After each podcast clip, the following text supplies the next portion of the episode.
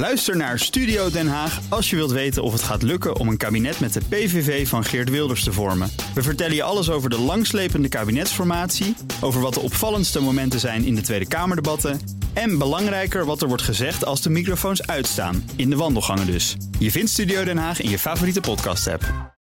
De column van Bernard Hammelburg. Parlementslid is zo ongeveer het enige vak waarvoor geen opleidingseisen bestaan. Middelbare school, hoger onderwijs, een beroep. Er staat nergens dat zoiets wordt geëist.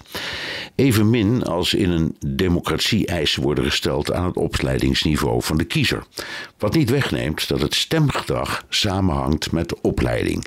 In Amerika noemen ze het de diploma-kloof. Hoogopgeleide kiezers zijn vaak democraten, laagopgeleide merendeels republikeinen, hoe vooringenomen dat ook klinkt.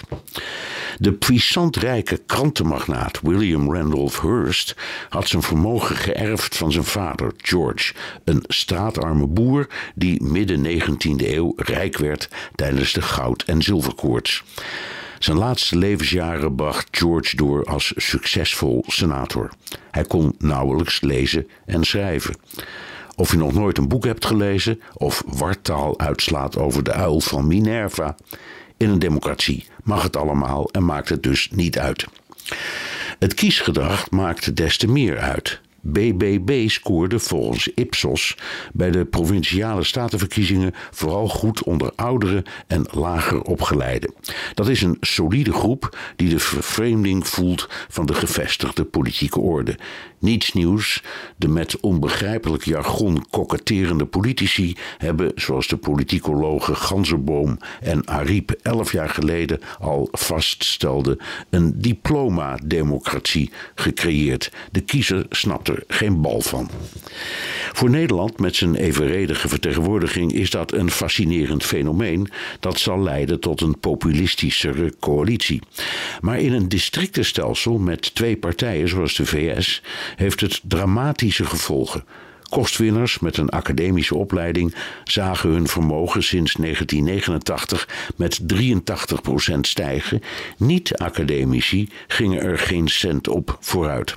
Vertaald naar de 50 Amerikaanse staten en het gemiddelde opleidingsniveau weten we nu al dat de uitslag van de presidentsverkiezingen van 2024 in 42 staten vaststaat.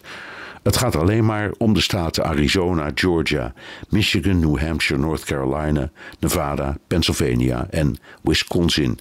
In elk van die staten zijn er net wat meer ongeschoolden dan diplomahouders.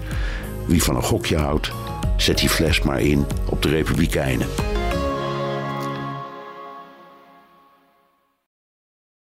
Ook Thomas van Zeil vind je in de BNR-app. Je kunt live naar mij luisteren in Zaken doen. De BNR-app met breaking news, het laatste zakelijke nieuws en je vindt er alle BNR-podcasts. Bijvoorbeeld Het Nieuwe Geld. Download nu de gratis BNR-app en blijf scherp.